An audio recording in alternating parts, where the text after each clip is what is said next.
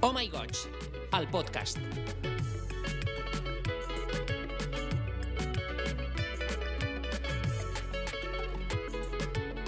Hi ha espais de trobada entre persones LGTBIAQ+, de diferents generacions? Per què els necessitem? Benvingudes a aquest capítol especial d'O My Goig, un podcast cada dia més queer.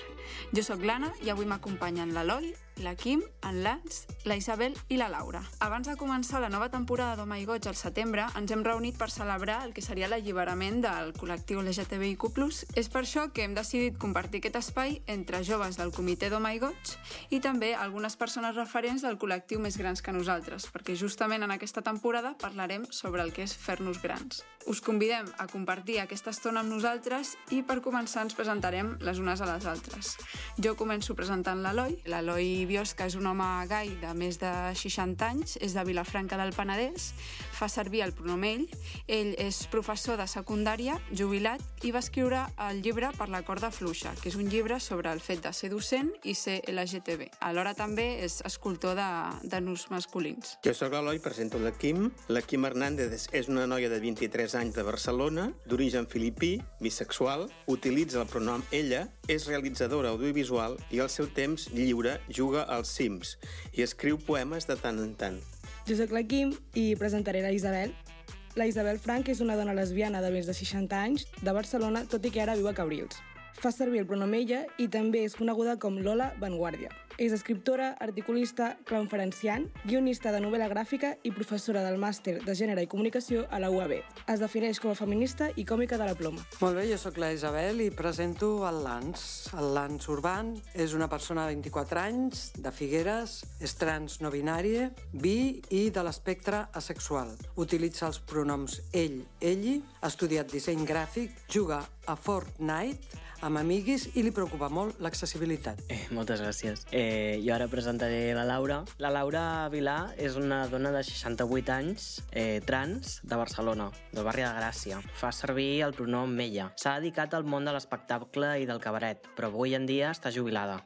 Ens explicarà per què està orgullosa de la seva trajectòria. Bueno, sóc la Laura Vilar i presento a l'Anna. L'Anna Ribas és una noia lesbiana i de 25 anys i de Castelldefels, tot i que actualment viu a Madrid. Fa serveis el pronom d'ella, és cineasta i té un màster de gènere. Diu que composa quan pot i fa capoeira. Sí. bueno, gràcies, Laura. Avui la Kim ens porta una pregunta per començar ja a xerrar sobre el que volem parlar avui. Venga, boniques, i ara un debate que te bate. En aquesta temporada de l'Home i Goig parlarem sobre fer-se gran, perquè estem una mica entre el comitè i potser els actors també en aquesta crisi dels 25, 20 i poc, i per això hem fet que l'Andrea comenci a entrevistar les seves amigues per fer un arxiu sobre la seva generació. I abans de començar, portem l'inici d'aquesta sisena temporada. Ai. Joder. Quina pregunta més difícil, no? Que què em fa feliç ara mateix? Um, doncs no ho sé. L'Olalla. El meu vincle. Tinc un curro de puta mare. Em paguen per jugar a videojocs, és molt, molt heavy. És que sóc una cursi. La Mia, l'estimo, l'adoro. És que ella realment em fa molt feliç. Em fa feliç haver marxat a casa dels meus pares. Vaig passar el confinament allà i mai més. O sigui, estem millor amb una mica de distància. Abans sempre estava ratllada amb coses i si no tenia problemes me'ls buscava. Però ara estic bé. Passen els de drames. Doncs mira, ara mateix estic a la meva època zorrona. Avui, festa, sexe, no pensar en res. Això és el que em fa feliç, eh, ara mateix. No puc parar quieta. O sigui, realment, Merci. de res. És que tinc ganes de fer, de fer, de fer i de seguir fent, de- d'aprendre més coses sobre maquillatge, sobre costura... I no sé què més dir-te. Eh, no faig gaire cosa més. De casa a la feina, de feina... Adéu, gràcies. Adéu, que hagi bé. Gràcies. Doncs això, de casa a la feina, de feina a casa... Com totes, no? Has de ser feliç. Aquest és el missatge que rebem constantment. Has de ser feliç. Has de tenir parella, un bon pis, èxit laboral, diners, el pack complet. I així seràs feliç. És el que vol tothom, no? Doncs jo no sé què vull. Estic a punt de fer els 25 i, i no tinc res clar. No tinc nòvia, no tinc un bon sou... De fet, no he dubtat ni un gos. No ho sé, suposo que prou feina tinc per cuidar-me a mi mateix. Jo l'única cosa que sé és que no tinc la vida que m'imaginava tenir.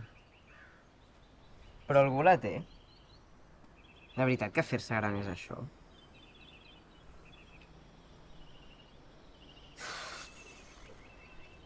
Joder, quin drama. M'encanta el final. Joder, joder, quin drama. Així és com comença la nostra sèrie i d'aquesta revisió d'aquesta crisi dels 25, doncs volem portar la pregunta què és què fas ara que petaria el cap del teu jo de 16 anys? Crec que no m'hagués imaginat estar vivint sola en una altra ciutat que està per ser, sent per mi com un procés de, de creixement. Potser no estic fent el que somiava amb 16, però sí que estic encaminant cap allà i creixent d'altra manera i crec que, que m'hagués patat molt el cap en aquell moment.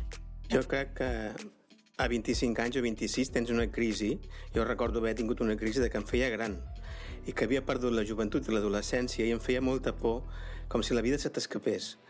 I ara penso, a més de 60, penso, però quina tonteria. Queda la major part de la vida més interessant per fer. Si la millor època de la teva vida són les 30, els 40 i els 50. O sigui que, que heu de tenir més optimisme i heu de carregar-vos d'energia. Però jo, als 16 anys, no em podia imaginar que a dia d'avui seria el que se'n diu una vieja glòria. Perquè jo als 16 anys estava descobrint la meva sexualitat i en els manuals de, de l'època doncs hi havia un apartat que deia aberraciones sexuales, tot era en castellà, evidentment, on entrava, doncs, jo què sé, bestialismo, pederàstia, eh, boyerismo, eh, tots els ismos, eh, masoquismo, sadomasoquismo, homosexualitat i lesbianismo. No? I llavors, clar, ara em trobo aquí doncs, parlant amb gent jove de, del que era allò i del que és ara i no m'ho hagués pogut imaginar mai, realment. Jo la meva sexualitat ja la vaig descobrir de molt jove, perquè a mi les senyoretes no m'havien agradat mai. M'agradaven sempre els nois. Mai hagués pensat el que em tocaria després. Perquè, esclar, la meva ansiedat era ser una noia, no quedar de noi. Perquè jo ansiava aquest dia de poder-me vestir de noia, viure de noia i tot això. I quan va arribar el moment de, de fer el canvi total, esclar, la meva vida jo no m'hagués pensat mai que hagués sigut tan difícil. I ara, amb 60 i pico d'anys que tinc, crec que estic com molt sòbria, amb unes ganes de tirar endavant, de fer coses, potser perquè també veig que els anys també se m'estan escapant, però no vull deixar passar cap oportunitat. Disfrutar de si bé sexualitat, sexualitat, per què no conèixer gent nova, gent meravellosa, tirar endavant, lluitar, ajudar sempre en qui es pugui i sempre ser tu. Jo en el meu cas, clar, tenia 16 anys fa 6 anys. Llavors, ara mateix el que estic fent és potser sí, això, estar aquí, tenir una plataforma per poder dir el que opino, per poder expressar-me i, i compartir les meves experiències i potser doncs, conèixer gent i conèixer altres experiències. Potser això amb 16 anys ni, ni m'ho pensava ni, ni ho veia com algo que em faria feliç de, després de 6 anys. No? Jo quan tenia 16 anys no m'imaginava que seguiria viu. Estava passant per uns processos molt complicats i tampoc tampoc tenia clar cap on anava. Però perquè hi havia un context que potser impossibilitava que, que tingués la informació adequada eh, per, per, per tirar el, el camí on, on jo volia. Llavors, jo crec que el meu jo de 16 anys hi petaria una mica el cap per comprendre doncs, el, el grau d'empoderament i, i això crec que és molt positiu. Jo volia parlar-vos una mica sobre aquesta necessitat de saber qui som, el que fa la nostra sexualitat i la nostra identitat de gènere i també sobre quins referents hem tingut. Hem recordat com la temporada passada l'Andrea va descobrir que la seva àvia no era una àvia avorrida, sinó que en el seu passat era una actriu del destape, no? I volíem posar-nos un capítol per, per poder reflexionar i preguntar-nos sobre, sobre això. Doncs molt bé, ara veurem què té la tia aquesta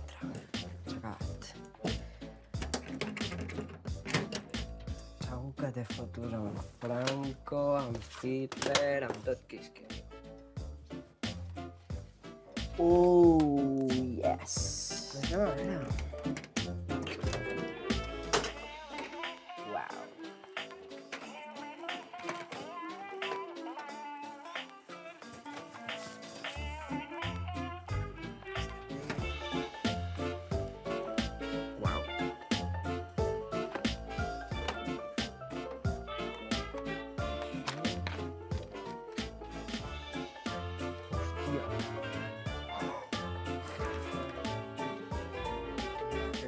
¿Qué?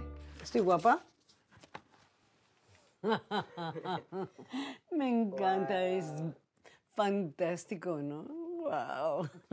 Está un tantito empolvada, ¿verdad?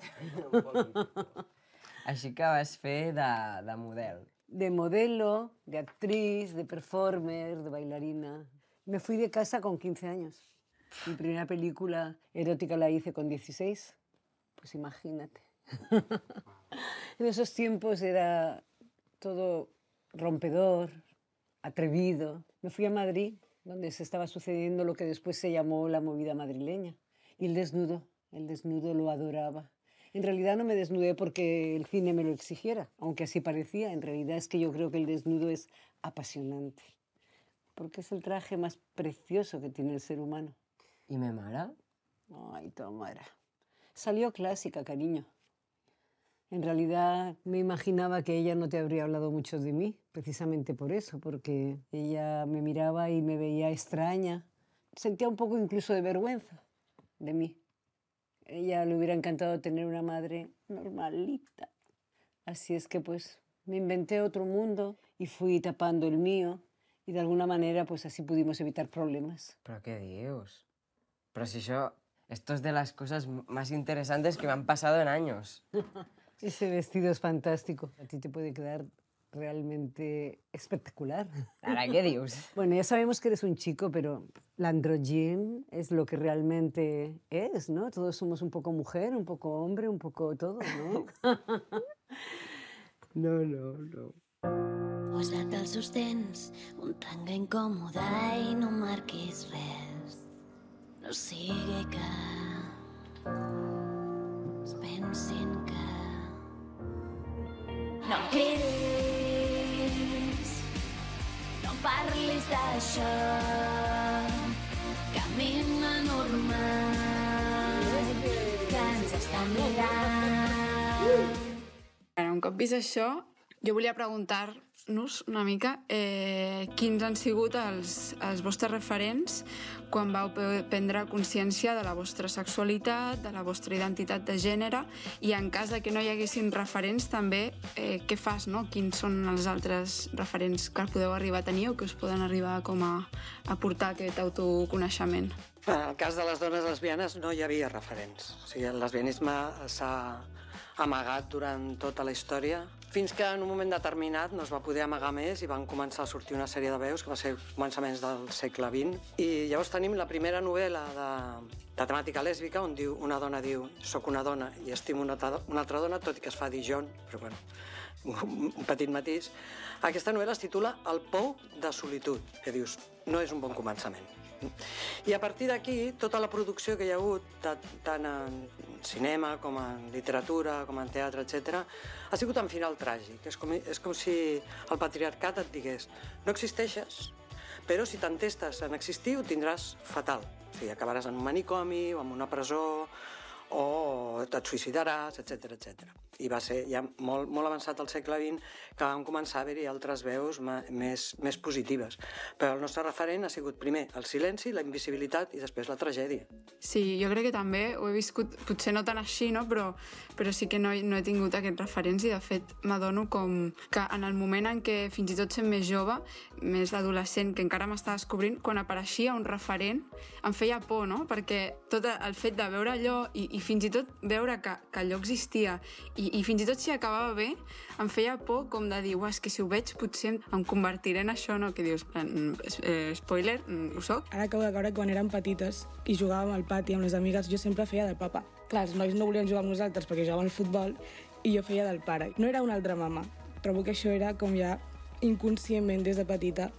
Potser ara és quan reconec que tenia referents, però en aquell moment, quan és petita, és com aquest personatge d'aquesta cosa em fa algo i llavors m'obsessiono obsessivament amb aquesta persona, però no entenc que és un referent, no entenc que m'estic veient en un mirall, no? Sinó que és ara que ho poso en paraules. En el clip que hem vist de l'Oh My God, l'àvia menciona el nu. I clar, l'heroi, tu ets escultor del nu masculí. T'ha ressonat, tens algo... Vols comentar-nos alguna cosa? Sí, eh, quan, quan tens 16-17 anys, com saps que t'agraden els homes? Si no hi ha imatges eròtiques en lloc, no hi ha internet, no hi ha revistes, no hi ha vídeos, no hi ha pel·lícules, no hi ha personatges públics, com és que t'agraden?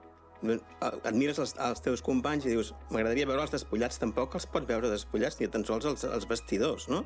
Què admires? Admires a tu mateix. Com que tens un cos maco, t'agrades. El que jo sento per la meva imatge no ho sento per les meves amigues, que també són molt mones, però no m'exciten. I llavors comences a pensar que realment tu tens una orientació sexual diferent. I com a molt veies imatges de la història de l'art, que és a mi que m'han marcat. És a dir, quan veies les estàtues gregues, és que ja és de cul. És que això és el que m'agrada a mi. Per això m'ha agradat aquesta atracció per la bellesa, que és el que m'ha fet que em dediqui a l'escultura, no? I llavors buscaves referents. On són els altres homes que a mi m'agraden, que també m'agraden? Ho mires a la, a la literatura. Llegíem Cavafis, llegíem Terenci Moix, i donaven una imatge de gai sofisticat, culte, que també era atractiu perquè dius, doncs jo vull ser com aquests senyors, no? És a dir, a mi m'agrada aquests, aquesta elegància, aquest desparpajo que tenien, aquesta cultura, aquests eren, aquests eren els meus referents. En el meu cas, jo tenia la meva veïneta de dalt, que pel, pel dia de Reis vale, m'importaven uns joguets de nen, naturalment, i a mi això no, no em feia gens de gràcia. I jo recordo anar a casa de la meva amiga, era la meva còmplice. Aquella nena ja em deien, té, juga, juga amb els meus joguets. Vull dir, ella ja havia calat.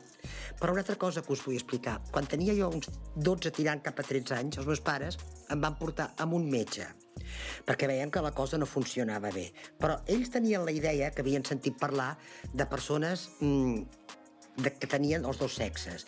La meva mare i la iaia i el meu pare, a veure si aquesta criatura també... I sabeu què els hi va dir un metge? Que em va fer una sèrie de proves d'hormones, diu, és un futur homosexual. Eh, clar, aquella època, és clar, vull dir que vull dir, ho va dir clar i català, llavors ja, entén-me, entre que era un futur homosexual i que el nen pues, volia ser una nena, pues ja tothom ja es va anar conscienciant, m'entens? Llavors ja la meva mare, pobreta, sempre em deia, però si jo ja ho sé, jo ja ho sé, que és la meva nena, no ets el meu nen, però que no ho senti ton pare. Perquè, esclar, ell, ell m'entens, a la sol posava negre, enervat. Però, bueno, així va ser. I en quant referents de dones trans? Bueno, referents de dones trans?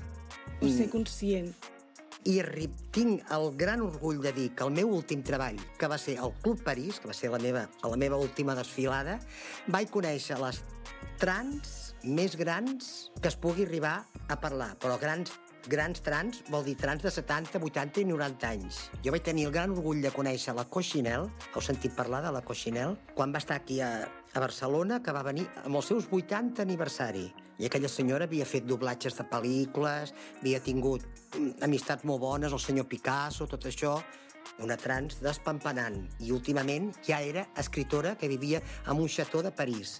Ha mort ara fa poc, un cent i pico d'anys, no fa gaire que és morta. Però vull dir que he conegut a trans grans perquè la meva propietària es deia Maria Samba. Era una trans també dels anys 20 que va venir de Ginebra, retirada, amb la seva amiga d'Aloa. I les dues van agafar el Club París aquí a Barcelona. Elles ja amb la idea d'agafar tota la gent gran que estava pel carrer trans, que estaven oblidades de la vida, i donar-los una tercera oportunitat, que poguessin actuar, cantar dintre d'un local, que no es trobessin desprotegides. Però grans, vull dir, si jo en aquella època tenia 30 anys, elles ja en tenien 60, 70 i 80, perquè tornessin a, a revifar-se. I va tenir un èxit fabulós. Jo allà vaig estar-hi 12 anys els meus últims 12 anys de treball, m'entens? Jo et volia preguntar a tu, Isabel, si has tingut algun referent o, o alguna cosa semblant. Hi havia alguns referents d'homes homosexuals, però de dones realment no. Llavors, eh, clar, quan tu amb, amb aquesta edat comences a buscar, no, el que comentava abans dels, dels manuals i tals, te n'adones que no solament ets única en el món, sinó que a més a més ets una pervertida i, com dieu vosaltres, t'explota el cap. Aquí sí que t'explota el cap, no? Perquè no saps ben bé cap on anar. Els primers referents venen a partir de, evidentment, la mort d'en Franco, les primeres, bueno, i sobretot la primera manifestació que va haver-hi, quan ja entres a la universitat, quan ja trobes que, ostres, pues, no, no ets tan única, resulta que eh, amb moltes dificultats, però la gent va sortir una miqueta de l'armari. Però abans, realment, la infància i tota l'adolescència és el, el, del franquisme és el buit absolut. Jo recordo un referent de, de la tele quan va sortir l'Armand de Fluvià amb un programa del Puyal, que era un senyor vestit amb un tratge, un aristòcrata seriós, que parlava de, ser homosexual d'una forma molt masculina. Aquell programa va tenir molt d'èxit en aquell moment, i sembla que eren els anys 70 i pico cap a 80. Ah, era per molta gent, uh -huh. això va ser un, obrir una finestra. Sí, també estava Glòria Fuertes, però, tot, sí. però ja són posteriors. Vull dir, sí. Fins als 70, sí, exacte, realment, fins als 70 no hi havia res. és la buidor. És la buidor. Sí, sí. En el meu cas, jo vull comentar que per mi internet va ser com el meu gran referent. No? Allà vaig trobar a persones bisexuals perquè a la televisió no en sortien. Trobava com persones racialitzades, perquè també és important, no? Veure com a persona racialitzada LGTB. Com aquestes petites finestres canvien de, de format, però segueix sent el mateix, no? En el vostre cas, llibres, llibres que has fet tu, el programa de televisió i ara internet. I també hi havia el cinema. Hi havia el Visconti, hi havia el, que la famosa pel·lícula de Querel. És a dir, hi havia pel·lícules que tocaven el tema i tots anàvem a veure com una, com una cosa de culte, no? Teníem d'anar a veure aquesta pel·lícula. Però això tot, insisteixo, Sí, a partir, de la transició. Exacte, sí. A partir No, de la llavors, clar, transició, sí que va ser una... Jo, la veritat és que estic molt contenta d'haver viscut la transició. Sí. Perquè era una època que ho descobries tot, Exacte, no? exacte, I que exacte, et trobaves amb exacte, iguals sí. i... Sí, i- senyora. No, Sí, però senyora. abans... Abans no. res, realment res. Bueno, s'ha la guineu, o sigui que vol dir que s'està acabant el temps i tanquem amb la teva història molt bé. i passem. Molt bé. L'explico? Sí, sí, sí, sí. La meva primera hormona, del 70, principi del 70. Aquí a Espanya, cap metge, aquest tema d'hormones era un tabú, ningú. I sabeu, em va acompanyar un dels meus amics que treballava, el metge de les senyores treballadores del carrer Robadors, aquells metges que de les vies urinàries, i aquell senyor em va fer la primera hormona. Encara me'n recordo, proginon dupot, sense preguntar res de res de res, perquè aquí el tema de les hormones, cap metge encara sabia era un tabú, les hormones, les hormones. O sigui que, fixeu-vos si jo ja vinc d'antiga, però això és, una, això és històric, això s'ha de saber també. Pel 28 de juny, la Generalitat ha fet una campanya que es diu l'Orgull més gran. I hem pogut veure a la façana del Palau de la Generalitat moltíssima gent gran del col·lectiu. I us volia proposar que veiéssim l'espot que han fet. Quin és el teu orgull més gran? Veure com els més joves continuen una lluita que vam començar fa molt de temps. Sentir que la meva família m'accepta. Haver educat el meu fill en la tolerància. No haver de donar explicacions. Ser simplement com sóc. Veure que cada cop som més les que no ens amaguem. Que quin és el meu orgull més gran? Els meus avis. L'orgull més gran, l'orgull que ens fa créixer. Aquí podem veure ara mateix la, la façana, el que han fet a la Generalitat, que em sembla molt bonic. Són dos senyores. Són dos senyores, sí. Són dos senyores grans fins a un petó. Mm. Clar, jo penso, i en el meu cercle no tinc gent gran, molt menys gent gran LGTB, llavors em sembla com molt bonic veure-ho tan gran a la Generalitat, en un edifici que té renom, que molta gent hi passa per davant, no? Sí, no només això, sinó com el que implica que la gent ho vegi i comenti, no? Em crida que a vegades també tenim l'Air de Sant Martí, no? Com tots aquests espais, i també com la gent passa per davant, què es genera davant d'això, quins són els diàlegs, com que al final fa que aquests conceptes estiguin en la boca de la gent, sigui d'una manera més, més, més conscient o menys conscient, no?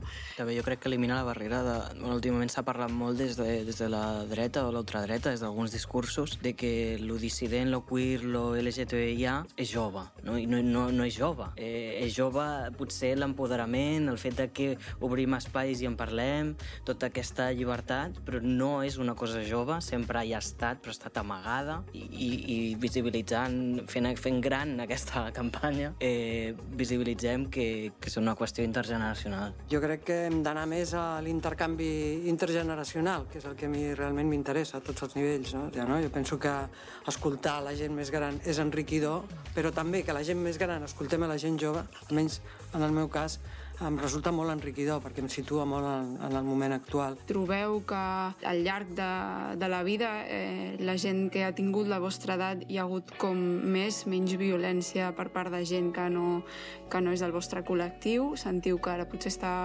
molt millor una mica també parlant sobre, sobre el moment, aquesta campanya, aquesta visibilització? Com... Bueno, jo crec que depèn del cercle, no? Jo, ja ja que estem d'anècdotes, vaig explicaré també una anècdota. Jo, com heu dit, es, estic en un poble del Maresme i els dimarts vaig a fer unes converses en francès a la biblioteca. I tota la gent, doncs, us imagineu, no?, de, doncs de classe mitja acomodada, no sé quin, quin color polític, però se'ls hi pot més o menys descobrir, perquè no, una cosa que tenim prohibida és parlar de política, probablement perquè ens barallaríem.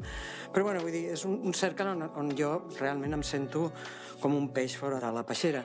Eh, però com que vaig a, a fer francès, doncs, ja està, no? Llavors jo vaig sortir amb un, amb un documental que es va passar per TV3 que es titula La generació silenciosa. I el primer dia de, que teníem aquesta trobada, un dels companys va, va treure una, al mòbil una imatge meva i diu, ei, que vas sortir a la tele, eh? I jo, sí, sí. Bueno, vaig dir, oui, oui, c'est moi, perquè ara estava fent francès. Llavors, tothom es va interessar molt. Ah, sí? I on tal? Ah, ostres, un programa per any tal, i de, bla, bla, bla, fins que van preguntar. I de què parlava? I jo vaig dir, de l'homosexualitat durant el franquisme. Immediatament es va canviar de tema. O sigui, immediatament. I es, us estic parlant de l'any passat entens? Llavors, jo crec que depèn del cercle, depèn de, de, de, del tipus de gent. Clar, nosaltres vivim en un món que pensem que el món és així, i no. Surts d'allà i encara hi ha molt, molt, molt carca, diguem-ne, por ahí, no? I encara hi ha molta gent que li has d'explicar o que et mira d'una forma, i jo, vull dir, al, al poble estic totalment desarmaritzada i amb la meva parella, vull dir, ens coneixen i tal. Clar, també tenim un, un cert estatus, eh? que vull dir que llavors et respecten més, no? És, ah, bueno, si, és, si és tal, no? és l'escriptora del poble, ja, et respecten una mica més, no? Però depèn d'on vagis... Amb això estic d'acord amb tu. Quan, per exemple, jo als anys 80, que tenia 20 anys, a Vilafranca, si tu et relacionaves... Era, els anys 80 era una època d'ober- d'obertura, de trencament. Dins de la classe mitjana popular, la gent volia ser progressista. Llavors, si tu et relacionaves amb, amb, amb l'ambient més bohemi, més hippie de, del lloc del poble, allò, tot allò estava en, en la seva salsa. I llavors allà no trobaves homofòbia. Clar, si tu te n'anaves potser a un, a un club de futbol, potser que te la, sí que te la trobaries, no? Però hi havia una receptivitat. Jo, fins i tot, al durant la mili, durant el servei militar, que és un lloc especialment homòfob, tampoc hi havia tanta homofòbia, depèn de com, com ho portessis. Per exemple, a la meva companyia hi havia un, un caporal que li deien la Sole, i, i, i tenia un, un nòvio que estava a l'altra companyia i de tant en tant venien a morrejar-se a la meva companyia. I un altre que li deien la Rocío i era mecànic, i era un bon mecànic, tan bon mecànic que la gent l'apreciava. És a dir, i tenia una ploma extraordinària. I mm, tu tenies problemes, però tenies problemes amb segons qui, però no generalitzat. És a dir, que, que dius, depèn dels, dels sectors en el que et moguessis i depèn de com ho visquessis tu i amb quin orgull ho mostressis, perquè si no mostraves orgull, llavors sí que andaven a per tot. Però ara també. Sí. sí en el passat, però ara que dius, bueno, si, si hi ha tanta informació, si que no veuen la tele aquesta gent, o sigui, m'han vist a mi només, no, no han vist més lesbianes, no? Jo volia recopilar el tema que has comentat tu, Isabel, al començament de tot, que has comentat que els únics referents que tenies eren eh, els referents que, audiovisuals que acaben en tragèdia. Llavors, jo això ho volia recopilar per parlar dels reptes que tenim ara. Exactament aquests són els reptes que tenim ara. Sempre hi ha hagut com violència com simbòlica, no? de que al final eh, les mateixes pel·lícules, les mateixes sèries eh, sembla que siguin ficcions, no? però representen en veritat la teva realitat, sobretot quan estàs generant la teva pròpia identitat, i és això, no? com que et dona a entendre que tu estàs veient aquest referent, aquest personatge que, amb qui tu t'identifiques i que al final acabi sent eh, assassinat o, o una representació del personatge lèsbic de com acaba sent algú sempre com una època, una, un moment de pas, acabes pensant realment que tu acabaràs així, no? Et crea un imaginari col·lectiu que és que eh, bueno, sí, aquesta gent existeix, però té un mal final. Per tant, millor que no existís.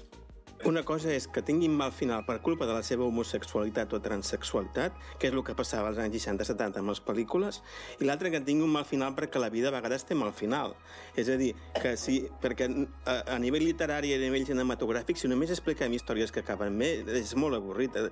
L'interessant són les històries que acaben malament, Però són si, els conflictes. si, alguna vez, si alguna vegada acaben bé, també estaria bé. que, que, que s'ha de filar prim, perquè si no podem caure en una, en una rincloneria, no? de dir, hem de parlar sempre de finals feliços. No, l'amor és conflictiu, les relacions personals són conflictives. El que és perillós és que sempre siguin conflictives per fet de ser lesbiana o gai, perquè en principi el conflicte és natural i és, i és realment estimulant com a tema. Jo crec que el que falta ara és, són històries que acabin bé o que acabin malament, o que siguin blanc o que siguin negre, on hi hagi personatges que no sigui la seva història perquè són homosexuals, sinó que Clar. són personatges que Exacte. estan en aquesta història. Exacte. Per sort, avui en dia estan començant a existir aquests tipus d'històries on és una mera anècdota el ser LGTBI i es centra més en altres coses. Com a curiositat o com a dubte que jo tinc és, ara, avui en dia, dins d'aquest col·lectiu LGTBI està sorgint el, la coneixença de les persones no binàries perquè tenim les paraules per explicar-ho. Quins, potser quins són reptes, Lance, ens pots dir, que et trobes o saps que es poden trobar la gent d'aquest col·lectiu avui en dia? Aquest, el, el resta del col·lectiu portem anys no sabent aquests reptes que vivim i, i desbancant-los i tornant a tenir-ne nosaltres, no? I, però aquest col·lectiu és recentment conegut amb paraules que entenguem tots, no? Jo, crec que el primer repte és la clandestinitat i això li pot apel·lar molt a la Laura, no? El fet de que no és un tema d'especial coneixença per la, per la societat i al final acaba en cercles com molt supersius en el que sí que es tracta com la teva identitat però que no, no es vol reconèixer. No sé si, si t'hi sents identificada. I aquest és un dels problemes que també les lleis que surten o, o la, la consciència social que despertem no vagi cap a eh, una mirada on eh, abracem tot això, sinó que continuem perpetuant aquesta diferència sobre identitats que han d'existir a la clandestinitat. La, la llei trans que ha sortit fa poc deixa, deixa fora les persones trans migrants irregulars ja no parlo de si són no binàries, no? però no reconeix que hi hagi potser allà una situació que no sigui blanca i no estigui... perquè el no ser blanca la majoria de les vegades no està reconeguda en papers, la majoria de les vegades. I aquí també se'm desperten coses, com amb, amb reptes, se'm desperta eh, la situació de la Laura, de cabretera, que, que em sembla t'apel·lo a tu, moltes vegades ho sento moltíssim. El que jo volia comentar és, eh, et vas començar a dedicar al món de la nit, a ser cabretera, Clar. perquè els papers No no reconeixien la identitat, i aquí va una mica pel tema de, de, de, de les persones no binàries, també va pel tema de les persones trans, sobretot dones trans ara mateix actuals, que no poden reconèixer els papers i no tenen altra opció que sotmetre's a feines molt més precàries Jo sempre anava de vacacions, quan jo ja vaig començar a treballar al cabret i espectacle, la, la vida em va somriure. Monetàriament eren temps de la passeta i els centis queien. I anàvem sempre de vacacions un mes amb la iaia, amb el descansi i la mama. I jo, a l'hotel. A mi m'han demanat com a jove, la més jove, deixi'm el seu carnet d'identitat, senyoreta. Jo era jove, llavors. Que jo no, que no volia és que em veiessin el carnet d'identitat d'home. Quan aquell senyor va veure que jo no em deia Laura i el carnet posava Enrique, doncs aquell senyor ja vaig baixar la nit ja i, i em va venir a proposar... Clar, perquè ja va veure que la Laura era diferent i era això el que li vaig... O sigui, veus, us en doneu compte com Per exemple, jo, jo conec que ara actualment hi ha eh, la, la situació de certes dones trans que es, que es fan a l'operació l'operació de genitals, la vaginoplàstia, que es dedicaven al món de la nit, ja no tenen clients. és que això és normal. Jo quan vaig començar els meus començaments a treballar al cabaret i a l'espectacle, clar, com a tota persona, jo vaig recollir per la meva operació. Però llavors vaig descobrir de que tant senyora era estant operada com no estant operada. I llavors tenia amigues que em deien, Laura, si te operas, guapa, métete a fregar escaleras porque no ganaràs ni un duro. I vaig desistir de l'operació i ara tinc a vora 70 anys i jo em considero una senyora de cap a peus, vull dir, l'altra part de lo que vaig néixer ja ni me'n recordo i jo no m'he operat. Avui vull com reincident que estem dues generacions diferents aquí. Eh, algú que ha estat amb bastants generacions diferents ets tu, sent mestre a les aules. Com, com ha sigut això en relació a, a tu com a persona ser LGTBI i tractar amb, amb adolescents, amb joves? Els adolescents sempre volen preguntar i volen saber quina sexualitat té un, un, una, una persona que a Vilafranca tothom sap que és gai. No? I llavors, eh, més que res per veure si realment ho dius. O sigui, com ho saben realment, perquè clar, ets una persona pública, tothom et coneix, no? Però volen saber fins a quin punt ho vols dir, perquè per ell és important. És a dir, tu faràs el pas o no el faràs el pas? I llavors burxen, burxen, burxen. I si no ho dius, al final t'acaben insultant perquè veuen que aquest és el teu punt feble. I llavors, eh, quan ho acabes dient, s'estableix una relació diferent perquè ja no ets el mateix professor que els altres. És a dir, has trencat unes barreres, has trencat uns tabús i, per tant, Àngels Castilla. És a dir, a partir d'aquest moment et poden fer tot tipus de preguntes personals i si no les contestes diran aquí falla alguna cosa. És a dir, perquè si aquest senyor vol ser un professor normal, doncs ha de tenir un marit, una muller, fills i no parlar d'aquests temes. Si comences a parlar d'aquests temes, llavors has de parlar de tot. I llavors el rol cap als alumnes canvia, però canvia bé en bé meu i en bé seu, perquè llavors hi pot haver un diàleg. Però costa molt perquè no estem preparats per fer això, perquè vol dir que el professor ha de baixar de l'estatus, ha de baixar de la palestra, ha de baixar del seu poder i posar-se a un nivell que li comporta riscos, sobretot a l'hora de fer-se imposar, per exemple. Però implica una dinàmica de que ja no cal fer-se imposar, perquè ja ja estan receptius. I llavors a nivell de l'homosexualitat és que ha canviat molt els últims anys. Els últims anys ja els alumnes ja s'alliberen més, és a dir, que els, eh, fins als 2010, pràcticament, fins al 2005-2010, encara eren temes complicats. A partir del 2010 la cosa s'ha generalitzat i comencen a parlar, es- mostren obertament com a alumnes gais, com a alumnes lesbianes, com a alumnes trans, hi ha uns protocols, que és a dir, que, que és més fàcil tractar aquest tema a nivell social, però als professors encara els costa molt tractar-lo, perquè quan tractes un tema de sexualitat, sigui el que sigui, i et mous dels esquemes, comporta això, que tu has de baixar de la palestra i la relació amb els alumnes canvia. I això és el que fa més por. Jo he de dir una cosa d'això també, que m'ha passat no? en el mateix, en el mateix col·le en el que jo vaig, no, el primer cop, el primer de l'ESO que vaig com dir que m'agradava una noia, no? vaig sentir la cosa més culpable del món, eh, jo era la única, estava allà, o sigui, em sentia super fatal, vaig, i a més pensar, dic, si he de ser bisexual, si he de ser el que sigui, aquí no ho seré, no? com que no em trobava còmoda, i 10 anys més tard, sent professora de, de gent de, del col·le que obertament deia pues me voy de vacaciones con mi novia i era una noia, no? Que, que és com, uah, a mi m'explotava el cap, no? De dir, tu estàs estudiant en el mateix lloc no he estudiat jo i no, a mi no, no hagués pogut fer tot això, no? O sigui, sí que tenia una companya que sí que era obert, obertament eh, lesbiana, però no ho compartia amb tothom, no? Era un- una mica, crec que jo estava una mica en aquesta transició i a mi em va, em va explotar molt el cap i vaig pensar, jo, que guai. I en, tot i així, sabent que a l'ambient eh, escolar segueixen havent dinàmiques i comentaris i Clar. que hay gente aún calentando un poco banquillo en este sentido, no? Jo deia això. Sí, jo vaig tenir una experiència més positiva en el meu institut, mm. Eh, perquè a mi se'm notava. Jo, era, jo, jo soc bisexual, però jo ja com superbollera, en plan, esta xica eh, hetera no és, no? Mm. I jo vaig tenir una experiència positiva, no em van fer bullying i res, però persones eh, més joves que jo en el mateix institut van patir molt de bullying, van patir, eh, això, van patir, no? Llavors, a mi em sobtava com sí que hi ha joves doncs, que són més oberts i poden ser més oberts gràcies al que s'ha fet col·lectivament, però d'altres que també són més oberts amb, amb, amb la seva homofòbia, amb la seva transfòbia, perquè també s'ha obert el poder ser això, no? I això ho volia relacionar amb, amb tots dos, sou professors, i ho relacioneu amb, amb bueno, i heu incidit molt en la importància d'aquesta relació intergeneracional i l'obrir espais, estar en contacte i el saber el, com estem avui en dia socialment amb, amb aquest món LGTBI, no?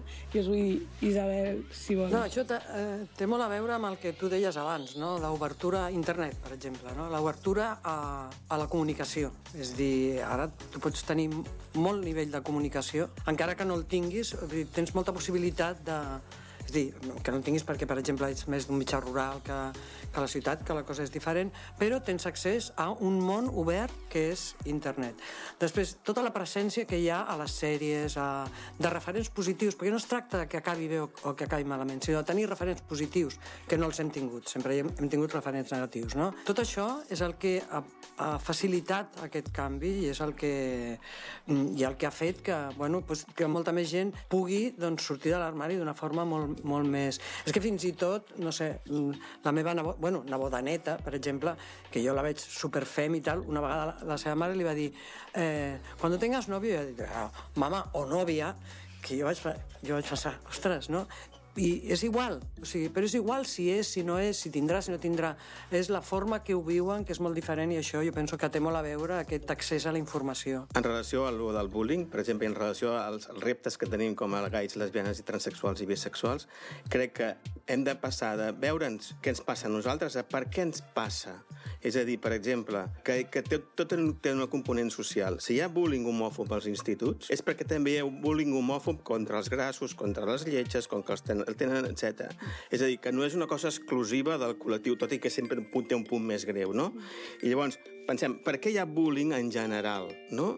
I és aquí on hem de fer la reflexió. És a dir, que com a col·lectiu ens passen coses pel fet de ser gais, lesbianes, bisexuals però també perquè la societat té un problema amb la diversitat amb la i diferència. un problema de, bueno, que hem d'anar a un món més igualitari, més, més intercomunicatiu i més alliberat. I si no, si continuem mantenint les mateixes estructures tradicionals, sempre hi haurà tensions sobre grups minoritaris. que sempre hi haurà una excusa no, per insultar una mica Sí. l'altre, que això també, per part de docents, també hi ha una intervenció, però el que dèiem, no? si tot l'accés. Sigui, jo vaig com sortir de l'armari per Lady Gaga, perquè tothom admirava Lady Gaga, tothom escoltava Lady Gaga, i de cop Lady Gaga vaig dir, soc bisexual.